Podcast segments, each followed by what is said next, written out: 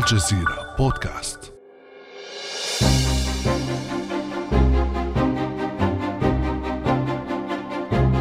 هم شباب أو في منتصف العمر وقد أوتوا بسطة في الجسم منتشون بزي عسكري. بعضهم في الصفوف الأمامية للقتال في أوكرانيا لكنهم ليسوا أوكرانيين. جاءوا إلى أوكرانيا من بعيد. ليلبوا نداء رئيس تواجه بلاده ثاني قوة عسكرية في العالم كان النداء أن هبوا للقتال معنا فنحن منكم وحرب بوتين ضدنا هي بداية حرب ضد أوروبا وضدكم فكانت النجدة My name's Jax. I'm from uh, England. And basically, we're here to. Uh,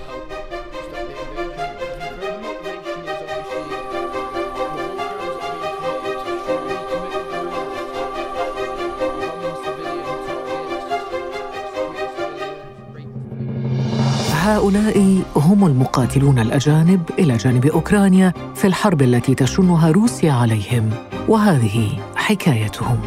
فمن هم هؤلاء المقاتلون الأجانب؟ ومن أين أتوا؟ وما دوافعهم للقتال؟ وما دورهم في الحرب؟ وما تداعيات هذه الظاهرة على الحرب وعلى الأمن الدولي؟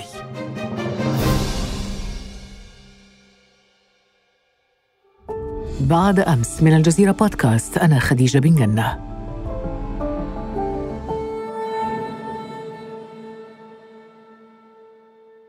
أسعد بالترحيب هنا في الأستوديو بالدكتور لقاء مكي الباحث الأول بمركز الجزيرة للدراسات. أهلا وسهلا بك دكتور لقاء مكي. أهلا وسهلا يا مرحبا دكتور لقاء مكي هذه الظاهرة ظاهرة المقاتلين الأجانب في الحروب طبعا ليست جديدة موجودة من زمان اتخذت أشكال متعددة وأوصاف مختلفة من مقاتلين إلى مرتزقة إلى ميليشيات إلى مجاهدين وغيرها. دكتور كيف نشأت هذه الظاهرة برأيك؟ نعم. شكرا جزيلا أستاذة خديجة. هذه الظاهرة ليست جديدة كما اشرتي لكنها أيضا ليست قديمة على الأقل في إطار الجيوش الحديثة. جيش يقاتل لأسباب تتعلق بقرار سياسي دفاعا عن الوطن من أجل غزو أجنبي من أجل القتال دفاعا عن المصالح الوطنية في بلاد بعيدة. هذا يحصل خلال القرنين أو الثلاث الأخيرة فيما عرف بالجيوش الحديثة. ولكن استخدام أطراف أجنبية هو ليس ب يعني غير معروف على الأقل خلال آه، السنوات التي تسبق تحديدا الحرب الأفغانية تحديدا الغزو السوفيتي لأفغانستان في عام 79 80 عام 80 حينها تم استخدام ما سمي بالمجاهدين لا سيما من الشرق الأوسط من الدول العربية لمقاتلة السوفيت وكان ذلك بدعم أمريكي مباشر. تسليحا وتمويلا وبالطريقة يعني أيضا مساعدات استخبارية. شهدت أفغانستان أول حالة من حالات المعروفة الحديثة لاستخدام مقاتلين أجانب وسموا آنذاك بالمجاهدين. وكانت الدول العربية هي أكبر مورد لهم بمعاونة أمريكية وكان حينذاك الرئيس كارتر وبريجينسكي هو المستشار الامن القومي وعمل بسعي حثيث من أجل استخدام هؤلاء المجاهدين واستمرت العملية وفعلا السوفيت تكبدوا في حينها خسائر كبيرة وانسحبوا في نهاية المطاف مع نهاية الثمانينات وكان هذا أحد أسباب انهيار الاتحاد السوفيتي. طبعا إذا ما جاوزنا الحرب الأهلية الإسبانية اللي أيضا كان فيها متطوعين وهذه حرب ليست بين الدولتين ولكنها حرب أهلية بين حكومة كانت في قيادة فرانكو آنذاك وبين اليساريين طبعا كان من المتوقع أن يذهب متطوعين إلى إسبانيا بسبب وجود الحركة اليسارية العالمية اللي استقطبت مناصرين لهم للشيوعيين أقصد في حينها من أنحاء أوروبا على الأقل وربما من العالم. لكن في إطار حروب الجيوش لم نشهدها قبل حرب أفغانستان. الدعم الأمريكي لهذا الجهاد كان له عواقب وحينما سئل بريجينسكي عن العواقب قال هذه أضرار فرعية مقبولة. طيب سنتحدث عن العواقب والتداعيات فيما بعد ولكن ما زلنا بصدد تحليل هذه الظاهرة دكتور لقاء مكي. والآن الأمثلة التي ذكرتها لها علاقة بمتطوعين لأسباب سياسية أو أيديولوجية لكن هناك متطوعون لأسباب مالية المرتزقة. خصخصة الحرب في بعض المناطق ومنها مناطق في العالم العربي. هذا أيضا نوع من أنواع المتطوعين. هم ليسوا متطوعين هم محترفين ويعملون مقابل ثمن.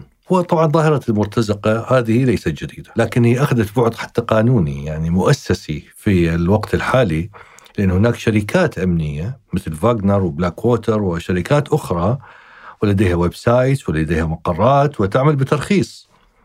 وهذه تستقطب مقاتلين سابقين على قدرات احترافية عالية من كل أنحاء العالم برواتب عالية جدا. ويقاتلون حيث يقتضي الأمر بطبعا موافقة الحكومات المعنية.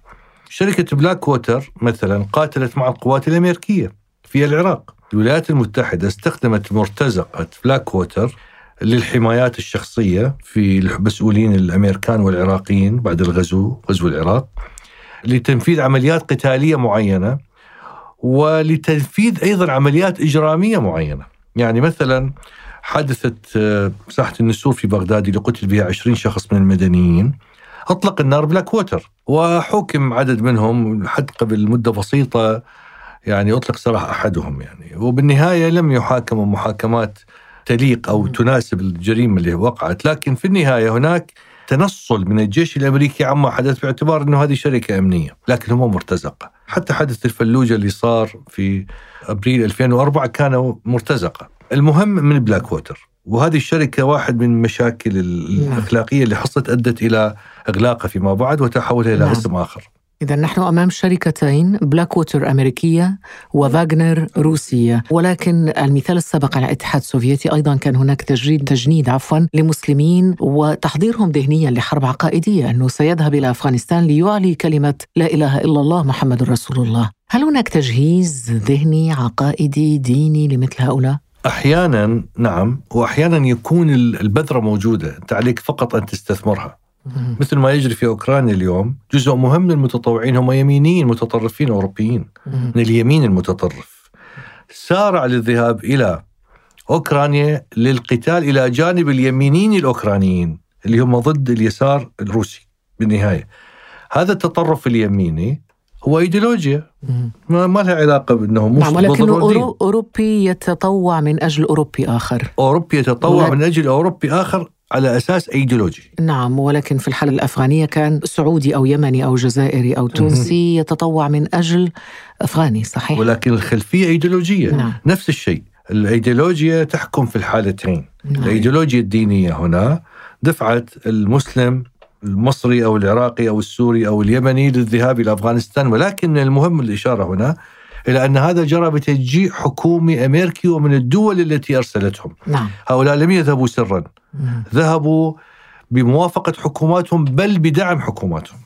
بالنسبة للحالة الأوكرانية سنخصص لها المحور الثاني ولكن حتى نفهم جيدا عواقب هذه الظاهرة دكتور لقاء مكي وقبل قليل قطعتك وأنت تتحدث عن العواقب والتداعيات أبرز المخاطر والعواقب التي تفرزها هذه الظاهرة ما هي؟ خطيرة وكثيرة وحتى أوجز إحنا إذا ذكرنا المجاهدين العرب في أفغانستان حينما عادوا من أفغانستان من عاد منهم طبعا أصبح مطارد في بلده باعتباره متطرف وإرهابي. تنظيم القاعدة أنشئ على خلفية جهاد الأفغاني. تنظيمات التي تفرخت من القاعدة ومنها داعش. هذه كلها كان لها بعض الجيل الجديد لم يقاتل في أفغانستان، لكن البذرة ولدت هناك، فبالنهاية لما يكون لديك سلاح قوي ودعم دولي وتدرب على أسلحة نوعية وتقاتل وتمتهن القتال والقتل بطبيعة الحال، يصبح مع إيديولوجيا تم تشجيعها من أجل أن تقاتل، حينما تعود أنت خلاص اعتنقت الايديولوجيا ولديك المهارة ولديك التطرف بالمفهوم الحكومي تطرف يعني. فلذلك تدافع عما تعتقده هو صحيح فتصبح مطارد وعدو للحكومات. لذلك من عاد اعتقل أو دخل في تنظيمات سرية. طيب القانون الدولي يتعامل أو يتعاطى مع مثل هذه الحالات؟ لا طبعا. القانون الدولي بالتأكيد لا يقبل بمثل هذا لأنه بالنهاية المرتزقة يمثلون مشكلة إجرامية لكن الدول تتبرأ منها. مثل فاغنر روسيا تتبرأ من علاقتها فيها لكن فاغنر تنفذ لروسيا مصالح مهمة في أفريقيا حاليا صحيح. في مالي وفي السنغال وفي أفريقيا الوسطى وفي موزمبيق وفي السودان في وفي جنوب ليبيا السودان. أيضا. في ليبيا بطبيعة الحال وفي سوريا. نعم. هذه المصالح بدعم من الحكومة الروسية أو لصالح الحكومة الروسية. مثل ما بلاك ووتر عملت لصالح الحكومة الأمريكية. القصد أن هؤلاء العائدون واللي يسموا بالمجاهدين الأفغان في لحظة معينة هؤلاء شكلوا مخاطر للأمن في بلادهم وما زال الأمر حاضر حتى لأوروبا. نفس الشيء المرتزقة أمرهم مختلف لأن هذول يعملون ضمن إطار مؤسسي. نعم. يشكلون خطر في مناطق القتال لأن هم خارج أي ضوابط قتالية. مهم. يعني الشرف الجندية لا ينطبق عليهم. هم ممكن يمارسون عمليات بشعة وإجرام وإمعان في قتل المدنيين أو الاعتداء لكن لأن هم أصلا خارج إطار أي قانون. نعم السيناريو نفسه إذا يتكرر في الحالة الأوكرانية دكتور لقاء مكي مع لجوء الرئيس الأوكراني فلاديمير زيلينسكي إلى توقيع مرسوم رئاسي عفوا يرحب بالمقاتلين الأجانب والطرف الروسي أيضا بالمناسبة. يعني حتى الرئيس بوتين رحب بالمقاتلين الأجانب. دعنا نستمع أولا إلى هذا المقطع يتحدث فيه الرئيس الأوكراني عن استقطاب المقاتلين الأجانب.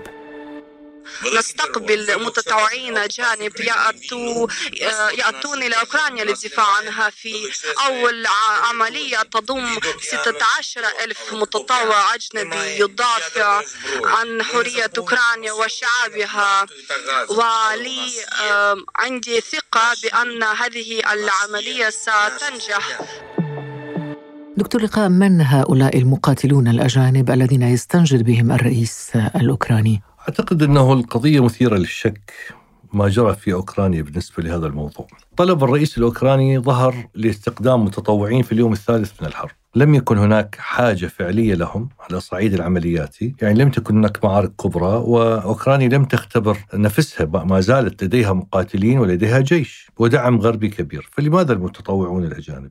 يعني هذا يفتح فيه أضرار أكثر من الفوائد المتوخاة مهم. فلماذا؟ هاي واحدة الأمر الثاني أن الدعم الغربي لهذا الاستدعاء جاء سريعا وفوريا ولا سيما من بريطانيا. حتى أن وزيرة الخارجية قالت البريطانية أنها تدعم هذا الأمر رسميا والدنمارك رئيس وزراء الدنمارك. فكان هناك دعم غربي غريب وغير متوقع وأيضا غير مقبول من دولة كبيرة مثل بريطانيا بهذا الشكل العلني. لذلك كان هناك يبدو محاولة أو هكذا فهم الأمر أن هذا هو مدخل لوجود عناصر قتالية. غربية محترفة في أوكرانيا للقتال مع الأوكرانيين تحت غطاء متطوعين يعني بدل ما بالدولة مثل بريطانيا تبعث جنود محترفين للقتال وتدخل الحرب رسميا مع روسيا تبعث متطوعين أو تحت ستار متطوعين مدربين على الأسلحة الحديثة لا ننسى أن أوكرانيا سلاحها شرقي. روسي أو أوكراني يعني اللي هو ليس غربي هو أصلا من الاتحاد السوفيتي. هذه الأسلحة اللي جتهم كلها غربية. فكيف يستوعبوها الجافلين والستينجر وغيرها؟ استيعابها يحتاج وقت من التدريب، اذا الأفضل أن تبعث لهم مقاتلين مدربين على هذه الأسلحة. يقاتلون من ناحية ويدربون من ناحية أخرى.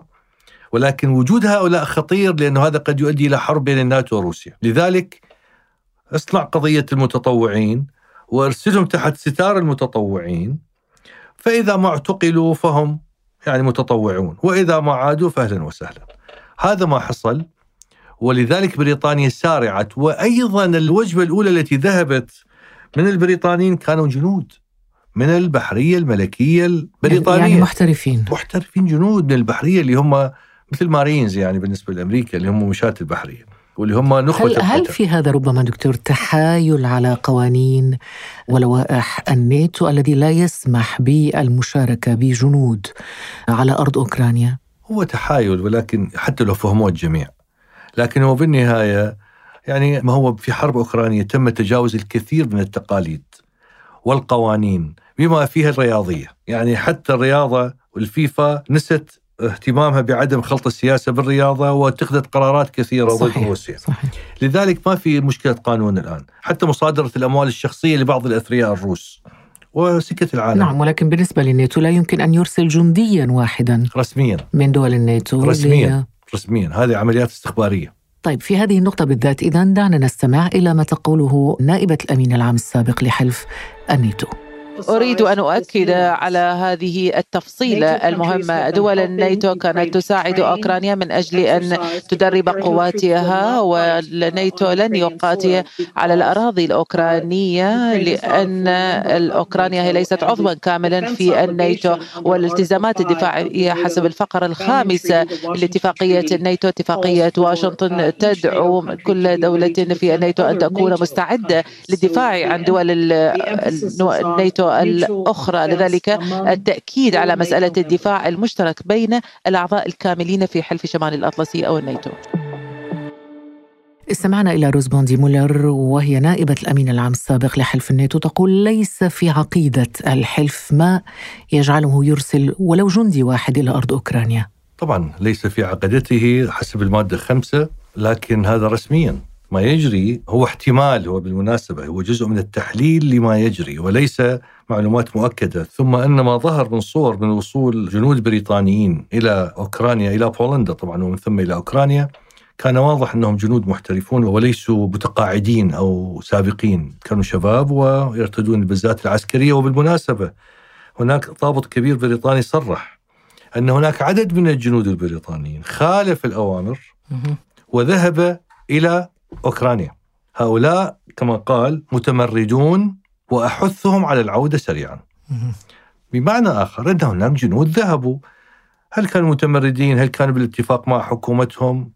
هل كانوا مع بعض القيادات في الجيش وليس مع الجميع؟ هذا مسألة مختلفة. لكن في النهاية هناك قضية التطوع وفرت الغطاء والفرصة لم يكن الغطاء فالفرصة لوصول جنود مدربين من الغرب إلى أوكرانيا. عسكريين تقصد. عسكريين نعم طيب فعلا يوجد عسكريون سابقون التحقوا أو ربما عبروا عن رغبتهم في الالتحاق بالقتال مع أوكرانيا لأنه معنا نموذج سنستمع إليه الآن. هذا نموذج لجندي بريطاني سابق يدعى جون التقته الجزيرة بالسفارة الأوكرانية في لندن يعرض على الأوكرانيين تطوعه للقتال إلى جانبهم. أعتقد أن ما حدث في سوريا مروع جدا. هناك نزاعات أخرى في العالم مشابهة لكنني أوروبي وهذه حرب أوروبية.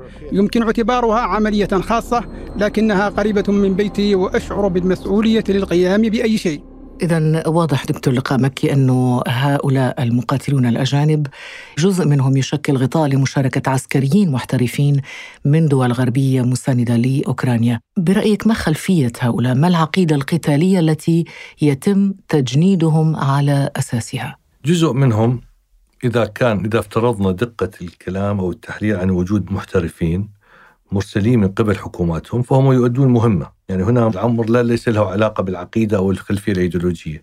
هي تأدية مهمة في منطقة قتال.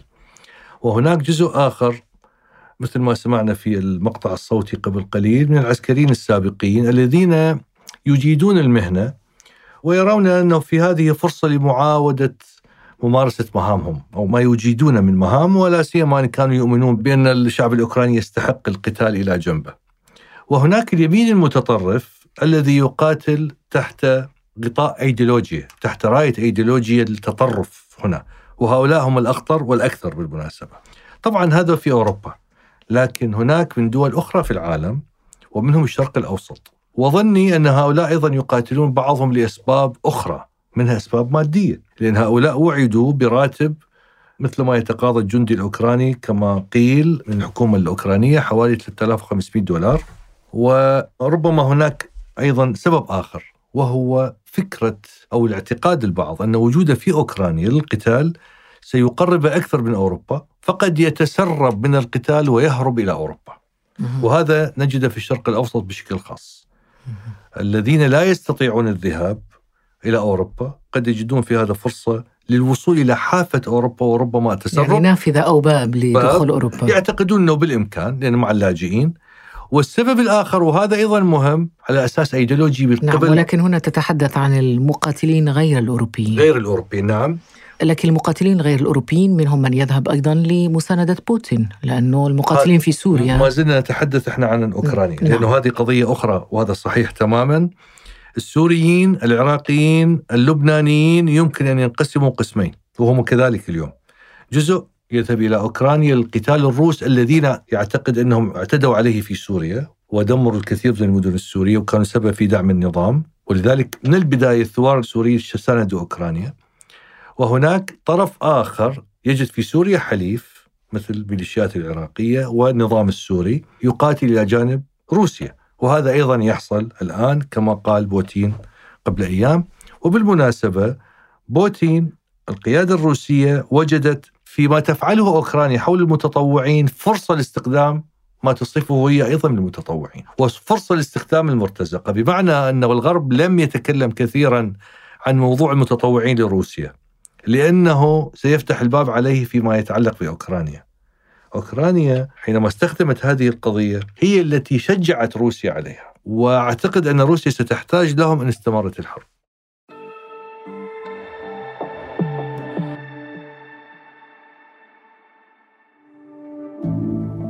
ابقى على تواصل مستمر مع الجزيرة بودكاست ولا تنسى تفعيل زر الاشتراك الموجود في تطبيقك لتصلك الحلقات يومياً.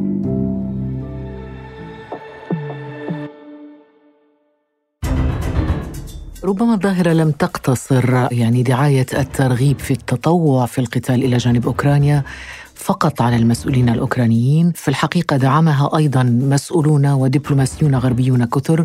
هذه مثلا وزيرة الخارجية البريطانية تقول عند سؤالها هل تؤيدين طلب الرئيس الأوكراني المقاتلين الأجانب إلى القتال إلى مع أوكرانيا؟ تقول I do support that.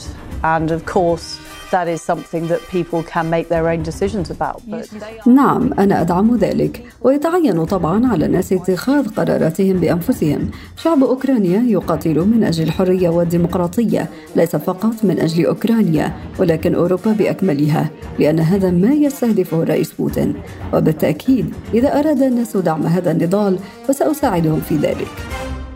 هذه التصريحات أثرت الكثير من التندر على منصات التواصل الاجتماعي في ما يسمى بطلب بين قوسين الجهاد أو المجاهدين، أنت كيف ترى هذا الأمر؟ أنا أعتقد أن ظاهرة الأفغان العرب ستتكرر وتتحول إلى ظاهرة الأوكران الأوروبيين والعرب، من يبقى حيا منهم ويعود إلى بلاده سيعود محملا بأيديولوجيا وكراهية للعدو الروسي أو الأوكراني لأن هناك طرفي قتال.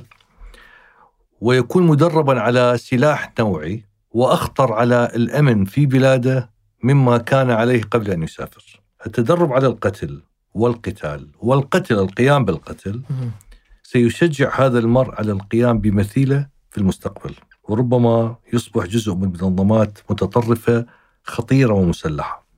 والأخطر من هذا أن هذه الأسلحة النوعية الموجودة في أوكرانيا الآن ومنها ستينجر على سبيل المثال مضاد للطائرات هذه أسلحة تحمل على الكتف يعني ليست منصات ضخمة. تهريبها إلى أوروبا ليس بالأمر العسير. ماذا لو أن من بين حوالي 2000 منصة إطلاق أو سلاح ستينجر اللي هو يحمل شخص واحد يمكن أن يسرب من عنده عشرة إلى أوروبا. عشرة فقط وهذه عملية سهلة. هذه العشرة يمكن أي إرهابيين يستخدموها. ممكن أن تسقط عشر طائرات مدنية. يعني بسهولة شديدة. تداعيات خطيرة جدا. طبعا. عشر طائرات مدنية تسقط فورا. يعني 2000 قتيل على الأقل. ولذلك إحنا يعني هم يستهينون بالمسألة هي ليست خطيرة للغاية لأن هذه الأسلحة في فوضى الحرب مهما تحاول السيطرة عليها وتضبط إيقاعها فعملية نقلها وتسريبها ليس بالأمر العصير. حتى العمل الاستخباري والحرب الاستخبارية ما بين روسيا والولايات المتحدة أو الناتو الآن ممكن تسمح بهذا النوع من التسريب. يعني مو بالضرورة أفراد يسربوها. أجهزة استخبارية تسربها لصالح أو من أجل إيذاء أوروبا أو ابتزازها. مثل من؟ روسيا مثلا. الآن روسيا في إطار حرب مع أوروبا وهي تحذرهم. أمنكم مهدد. طيب ما الذي يمنع أنه روسيا الآن تحت غطاء المتطوعين تهرب هذا النوع من السلاح؟ ولا ننسى أنه قبل أيام صدر تصريح من أحد المسؤولين الروس قال أن أمريكا الولايات المتحدة تجند تنظيم الدولة للقتال في أوكرانيا. بالنص. طيب إذا كانت هي تجند تنظيم الدولة فأنا أيضا أجنده طرح داعش كفزاعة. هو قد يعرف أنه أمريكا لم تجند أحد من هذا.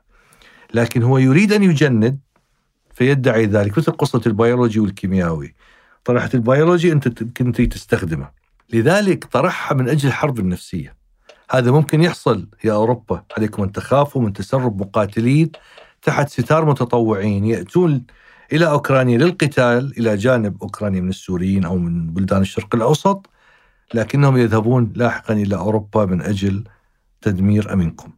وهذا أمر حتى الولايات المتحدة مهددة ليس بأراضيها ولكن بطائراتها. مئات الطائرات اللي تصل يوميا إلى أوروبا من الولايات يعني المتحدة. يعني المصالح الأمريكية مهددة. طبعا يعني هذا يطرح بصراحة هذا سيناريوهات مخيفة بعد الحرب.